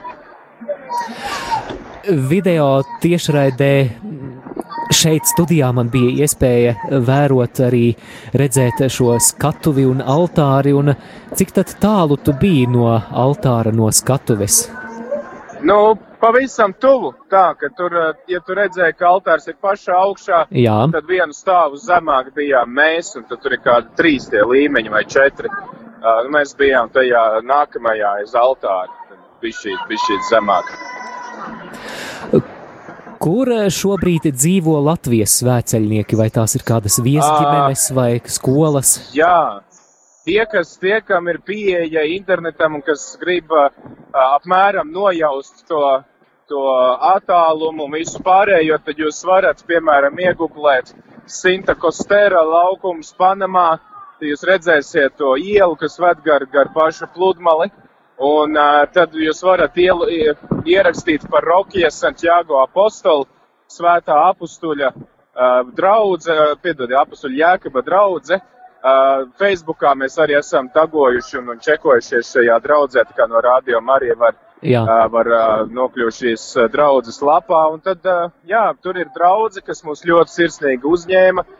Sākām mēs gatavoties Latvijas, Īrijas un Jaunzēlandes svētceļnieki, vēlāk mums tur pievienojās vēl brazīlieši, vācieši, amerikāņi, pat no arī arābu zemēm bija ieradušies cilvēki svētceļnieki, un mēs visi esam izmitināti ģimenēs, un ģimenes ir ārkārtīgi, ārkārtīgi laipnas un viesmīlīgas, un tā ir tāda viena lieta, kas panamieši ļoti, ļoti raksturo viesmīlību, ārkārtīgi liela viesmīlība. Ja mēs latvieši sakam, ka ciemiņš mājās, dievs mājās, tad pie panamiešiem tiešām to var just, tu jūties kā nu, vienkārši VIP viesis, un, un tev tiek dots vislabākais, kas tev ir, un, un cilvēki to dara ar lielu prieku, un pat tādi, kas nav ikdienā draudzes tajā visā darbā iesaistīti, kas uh, pat varbūt paši svētdienā uz misi neaiziet. Tomēr katru rītu, vismaz manā ģimenē, kur es esmu ar vēl diviem latviešu pušiem, katru rītu ir sagatavots brokastis un, uh, un uh, vakariņas pēc tam gaidu mūs vienmēr mājās, kad mēs atgriežamies. Un, un kas arī ir forši, ir tas, ka Uh, arī mūsu nu, latviešu bīskaps, vienīgais bīskaps, kas šeit Latvi, nu, no Latvijas ir atbraucis līdz svētceļniekiem, viņš ir kopā ar svētceļniekiem. Un tāpat arī viesģimenēs ir izmitināts, nav kaut kur kādā viesnīcā vai, vai prom no pārējiem, bet ir kopā ar mums, un tas arī ir tā ļoti forši, ka mēs varam tur būt kopā ar savu bīskapu. Un rītā jau tad sāksies katehēzes, Un tad arī, arī rādījām arī Latviju klausītājiem būs iespēja klausīties bīskapa Viktora Stulpina katehēzes, ko viņš vada šeit Latvijas svētceļniekiem. Un tas ir arī tāds īpašs moments jauniešu dienās, kad bīskapi kļūst par katehētiem, par skolotājiem tiem jauniešiem, kas ir ieradušies uz jauniešu dienām. Es eh, tieši gribēju tev jautāt, Priesteri Pēteri, par rītdienas plāniem, un tu jau runāji par eh, to, ka rīt būs iespēja noklausīties katehēzi, bet eh, kas vēl rītdien ir paredzēts un kādi tev pašam rītdienas plāni? Nu, es gribētu vēl mazliet pastrādāt pie, pie, pie mēdīju lietām, lai saņemtu pietiekami daudz informācijas, lai mēs varētu arī mūsu klausītāju nodrošināt ar precīzu informāciju par to, kas šeit notiek, kā šeit notiek kur kas ir, un, un, un tos, jā, svarīgākās lietas, ka man būs tāda mazliet tā, tā, tāds darbs aiz skatuves, bet tad, tad rītā visi svētceļnieki sadalīsies pa mazākām grupiņām, pa vairākām draudzēm, kurās būs katehēzes. Ir trīs katehēžu dienas, trešdiena, ceturtdiena, piekdiena, un sākot jau no pulkstens 9 līdz 12 lielākoties ir šī katehēžu programma, kur ir katehēze, kur kāds bīskaps uzrunā svētceļniekus, seko parasti arī kāda dalīšanās grupiņās, pārunājot to, kas ir uzrunājis no bīskapa teiktā, un pēc tam arī svētā mise, un tad jau pēc tam svētceļnieki dodās pusdienot, citi atkal dodās uz kādiem festivāliem, šeit ir ļoti daudz dažādi koncerti, ir vesels milzīgs parks, kurš ir nosaukts par jauniešu parku, un tur ir gan iespējas apmeklēt dažādas teltis, kur ir iespēja iegūt informāciju par dažādiem aicinājumiem baznīcā, par dažādām kustībām baznīcā. Uh, jā, ļoti daudz un dažāds, piemēram, amerikāņi rītdienai sagatavojuši tādu veselu koncertu programmu uh, ar, ar pasaules līmeņa slavētājiem un tādiem kristīgiem māksliniekiem. Um, un tad jau, tad jau ceturtdien mēs jau, jau tiekamies ar pāvesi. Tā kā trešdiena ir tāda pārejas diena, kad, kad mēs jau sagaidām pāvestu un, un pēc tam pavadam jauniešu dienas kopā ar viņu. Priestri Pēteri video tiešraidē man palaimējās redzēt dažus no Latvijas svētceļniekiem, bet cik tad kopumā no Latvijas eh, cilvēki ir atbraukuši uz Panamu apmēram? Pavisam kopā mēs esam 35 svētceļnieki, ieskaitot uh, bīskapu un priesterus un uh, grupu vadītājus. Grupiņa nav liela, bet es domāju, priekš Latvijas ir šāds attālums, kas tomēr ir gana daudz. Uh, nav gan varbūt sasniegts tas mērķis, ko mēs gribējām 70, bet ir tieši puse. Es domāju, ka tas jau ir labs, labs rādītājs, ka tik tālu mums ir izdevies aizvest tik daudzus jauniešus un ka viņiem ir iespēja gūt šo gan universālās baznīcas pieredzi, gan arī vispār šo pasaules pieredzi, jo man liekas viens no aizkustināšākajiem skatiem, ko, kas mani uzrunāja, raugoties ekrānā uz šo svētceļniekiem, bija tieši redzēt visus tos karogus. Viss, viss pilna aleja ir pilna ar dažādu valstu karogiem. Arī tagad mums te vienā pusē iet uh, karogi Brazīlijas un Panamas karogi, otrā pusē Paragvaja, ASV, Čīle, Argentīna. Un, uh, jā, ka, ka visas tautas kaut arī ir tik daudz, nu, tik daudz un dažādas un atšķirīgas, ka reizē tomēr ir tik vienotas un, un tik līdzīgas. Un uh, kaut vai, ka tas, ka svētajā misē lielākā daļa no mums nesaprot spāņu valodu, mēs visi zinām, kas tur notiek, tāpēc, ka mise ir universāla valoda un viņa apvieno mūs visus, un tāpat arī cilvēcība kā tāda. Mēs visi esam cilvēki, un pat ja mēs nākam no dažādām valstīm, kultūrām, valodām, mums tomēr ļoti daudz kas vieno, un tas, ka mēs esam cilvēki, mēs esam Dieva bērni. Un es domāju, tā ir ļoti, ļoti svarīga pieredze, ko, ko mums īpaši šodien ir svarīgi būt, kad ir tik liels, varbūt arī tāds izaicinājums uz individuālismu. Un, jā, tā kā tas, tas ir tas, kas mani visvairāk uzrunā šajā visam. Un visbeidzot, sarunas noslēgumā, Priesteri Pēteri, tevi tagad dzird daudzi klausītāji, kuriem fiziski nav iespējas atrasties Panamā starp šiem daudzajiem, daudzajiem jauniešiem no visas pasaules. Bet kāds būtu tavs iedrošinājuma vārds klausītājiem, kā viņi šajās dienās var būt par aktīviem pasaules jauniešu dienu Ziniet, tad, dalībniekiem? kad mēs, tad, kad mēs uzsākām gatavošanās posmu, tajā Santiago apostola draudzē, tad draudzes prāves ļoti tāds patīkams vīrs. Viņš teica tādus vārdus. Lūdzieties visi tādu ļoti vienkāršu lūgšanu. Dievs, pasaki man, ko tu vēlēs man atklāt ar pāvesta Franciska vārdiem. Un vienkārši sekot līdzi tam, ko pāvests teiks jauniešiem šeit, un viņš to teiks ne tikai tiem, kas ir šeit, bet visai pasaulē. Un viņš to saka īstenībā ne tikai jauniešiem, viņš saka katram no mums un vienkārši lūgties, lai tad arī mūsu sirdis ir atvērtas un lai tad Dievs arī parāda, kas ir tas, ko Pāvests Francis saka tieši man. Un kas ir tas, ko Dievs vēlās, lai es pēc tam darītu. Tā kā turēt ausis acis vaļā, tie, kas nevar sekot līdzi tiešajām translācijām, ir pārāk vēls. Klausieties atkārtojumu astoņos vakarā, ja jums nav laika arī astoņos vakarā. Lasiet ziņas, lasiet to, ko sagatavo Vatikāna radio cilvēki, vai nu latviešu valodā, vai kādā citā valodā, kurā jūs lasat gan jau ka arī katolī būs kāda informācija, kāds updates par to, kas notiek, un kas vismaz ar galvenajām atziņām. Un, un tad, jā, vienkārši personīgā lūkšanā tad arī sagatavojiet savas sirdis un sakiet, Dievs, ko tu vēlēsi pateikt man. Un lūdzieties par visiem svētcieniekiem, lūdzieties par tiem, kas ir šeit, lai satiekot visus šos cilvēkus un daloties tajā ticībā, ka tad arī visi atbrauc mājās tādi dedzīgi un labprāt arī iesaistās un, un, un uztur to, to deksmi savās draudzēs, savās skolās, savās uh, universitātēs, savās darba vietās, visur, kur tie cilvēki ir savās draudzēs. Jā, lai pēc tam arī tad draudzēs mums uh, ir šis entuziasms, kāds, kādu nes parasti pasaules jauniešu dienas. Jo es varu teikt, to mums arī šeit Latvijā ir uh, piemērs, kur kāds puisis, kas nevarēja aizbraukt uz jauniešu dienām, bet aktīvi sekojot viņām līdzi, atrada savu aicinājumu, vienkārši ieklausoties pāvesta Benedikta vārdos, jā, tad uh, tas attālums īstenībā ir otršķirīgs. Uh, svarīgs ir tas, kā mēs esam gatavi uzņemt šo vēsti. Un, uh, un jā, es varu teikt to, ka arvien vairāk un vairāk cilvēku pasaulē uh, pateicās tieši jauniešu dienām par saviem lēmumiem, ko viņi ir pieņēmuši, par aicinājumu, ko viņi ir atraduši. Un, tad tas var arī notikt vienkārši ar datoru vai televizoru vai radio vai vienkārši rakstītu tekstu starpniecību. Paldies, Priesteri Pēteri! Sveiciens visiem pārējiem Latvijas svēceļniekiem un noteikti arī klausītāju lūkšana par jums. Tad, Noteikti nodosim vēl vienu lietu, ko es gribu pateikt. Jā. Pirms tu lietas nos klausulu un visiem klausītājiem, kas man klausās tagad un klausīsies atkārtojumā astoņos vakarā. Arī tad uh, liels, liels paldies Mārim par to, ko viņš dara, paliekot nomodā, jo mums šeit tagad ir bišķīt pāri septiņiem. Jums tur jau ir divi naktī, vai ne?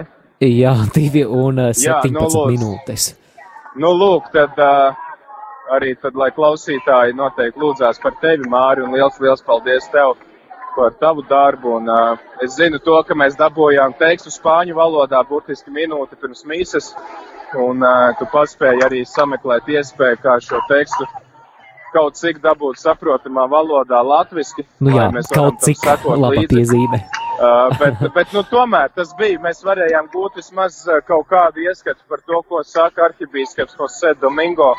Un uh, mums nebija pavisam jāpaliek kā mēmiem uh, vai kur, kurliem drīzāk, jā, ka dzirdam skaņu, bet nesaprotam, ko mums saka. Jā, un es arī aicinu klausītājus lūgties par visiem brīvprātīgajiem, kas nāks komentēt svētās mīsas, kas nāks komentēt visus šos pasākumus vēlāk ar pāvestu Francisku un pateikties viņiem par, par to, ko viņi dara, ka viņi velta savu laiku un, un dara mums saprotam visu to, kas, to, kas notiek šeit Panamā. Tā kā liels, liels paldies, Māri! Tev un arī visiem tiem, kas vēl nāks un palīdzēs mums radio translācijās. Paldies, Priesteri Pēteri! Es sajūtos kā pasaules jauniešu dienās uz tikšanos, uz sadzirdēšanos. Izskanēja reportāža no pasaules jauniešu dienām Panamā.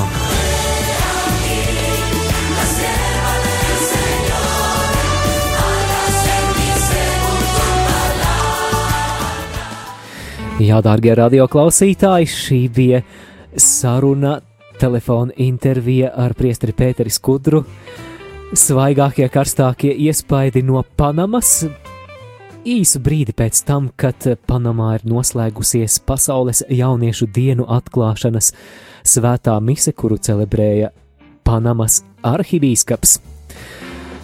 Šajā svētajā misē kopā ar jums biju arī es, Māris Veliks, un eh, vēl vēlos noslēgumā arī pastāstīt par turpmākajām translācijām no Panamas, lai tev, klausītāji, būtu iespēja maksimāli sekot līdzi un arī sajust to pasaules jauniešu dienu garšu, neatkarīgi no tā, kur tu atrodies.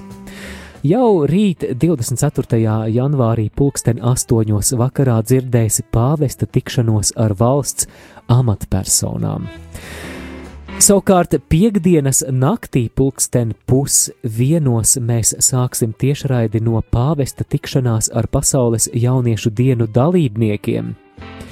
Jā, patiešām pāvests Francisks tiksies ar jauniešiem, un nepārdzīvo par to, ka tik vēlu naktī šī tiešraide, jo piekdien pulksten astoņos vakarā dzirdēsi pārraides atkārtojumu, ja gadījumā tev nebūs iespēja sekot līdzi tiešraidei piekdienas naktī. Bet piekdien 17.30 arī pāvesta tikšanās ar jauniešiem ieslodzījumā. Arī šo tiešraidi nepalaid garām. Arī sestdien, 27. janvārī, mēs turpinām Pasaules jauniešu dienu programmu. Pusdienos naktī mēs sākam tiešraidi. Tev būs iespēja noklausīties krustaceļu ar pāvestu, un ne tikai noklausīties, bet cerams arī lūgties kopā un pārdomāt Jēzus Kristus pēdējās dzīves stundas un viņa apbrīnojamo un mīlestības pilno upuri par tevi un mani. Krustaceļa atkārtojums arī sestdienas vakarā pulksten astoņos, bet pirms tam sestdien 16.15 sākums pāvesta misē kopā ar konsekrētajām personām un priesteriem. Tāda lūk pasaules jauniešu dienu programma un arī atspoguļojums ēterā Radio Marija Viļņos sestdien, 26. janvārī. Pasaules jauniešu dienu pēdējā diena, 27. janvāris. Vienos 30 naktī mēs sāksim translēt vigīliju.